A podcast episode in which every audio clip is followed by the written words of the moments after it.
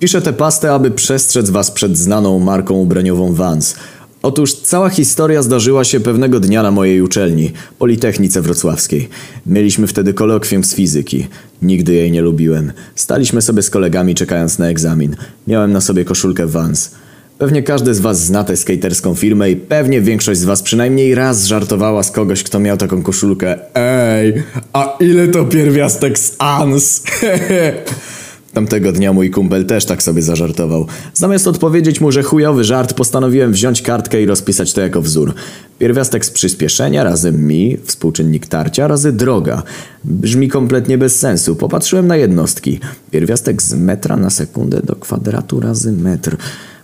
Po skróceniu i spierwiastkowaniu wychodzi 1 na sekundę. Jak wszyscy wiedzą, 1 na sekundę to 1 herc. Koledzy powiedzieli, że jestem zjebany i w ogóle kek, bo tarcie w falach.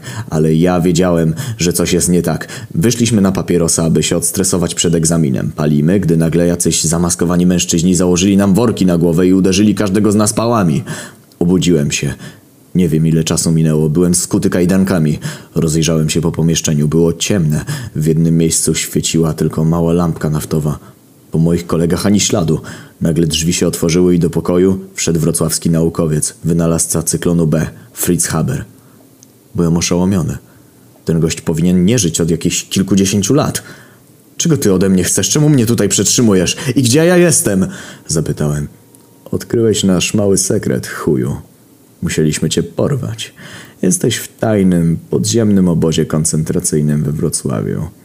O chuj chodzi, pomyślałem. Jaki kurwa sekret? Co to niby za sekret? Zapytałem. Odkryłeś nasz tajny wzór. Firma Vans. To nasz eksperyment. Wynaleźliśmy specjalne ubrania, które są w stanie podsłuchiwać i badać amerykańskich nastolatków. W ten sposób zniszczymy USA. To sukces mój i doktora Mengele. A teraz chodź. Führer już na ciebie czeka. O kurwa, pomyślałem. Spotkam swojego idola. Haber podszedł do mnie, odpiął moje kajdanki. Wtedy pomyślałem, że to moja szansa. Otóż trzeba wam wiedzieć, że swego czasu byłem harcerzem. Poza bólem odbytu po indywidualnych zbiórkach z moim druhem wyniosłem harcerstwa tylko to, żeby zawsze mieć przy sobie nóż. Wyjąłem go i szybko wbiłem Haberowi w szyję. Skurwysyn głośno zawył, a ja uciekłem. Wyszedłem z ciemnego pokoju. Znalazłem się w jakimś korytarzu wyglądającym jak tunel metra.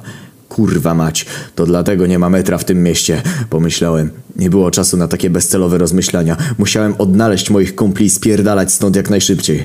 Przemierzałem korytarze. Było tam wiele pomieszczeń. Wyglądały na zamknięte. W końcu z jednego zobaczyłem światło. Otworzyłem drzwi i gdy zobaczyłem to, co było w środku... Włosy stanęły mi dęba. W środku stał doktor Mengele ze skalpelem, a na łóżkach leżeli moi koledzy. Przykuci. Doktor Mengele wycinał z nich jakiś narząd. Na komputerze dostrzegłem napis Operacja odmłodzenia w toku. Te skurwysyny żyły dzięki porywaniu młodych ludzi i wycinaniu im narządów. Najgorsze w tym wszystkim jest to, że Filip siedział mi 20 złotych. Uciekłem stamtąd i biegłem teraz szybciej przez tunel metra. W końcu znalazłem włas, otworzyłem go i wyszedłem. Czułem się jak powstaniec warszawski. Spierdoliłem do domu. Pierwsze co zrobiłem to spaliłem wszystkie ciuchy firmy Vans. Kolokwium niestety spierdoliłem, ale to już inna historia.